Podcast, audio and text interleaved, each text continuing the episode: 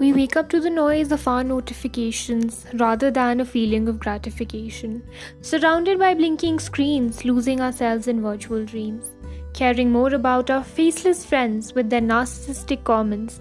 Crippled if no internet because it's a chosen vice. Searching solving problems by using another device.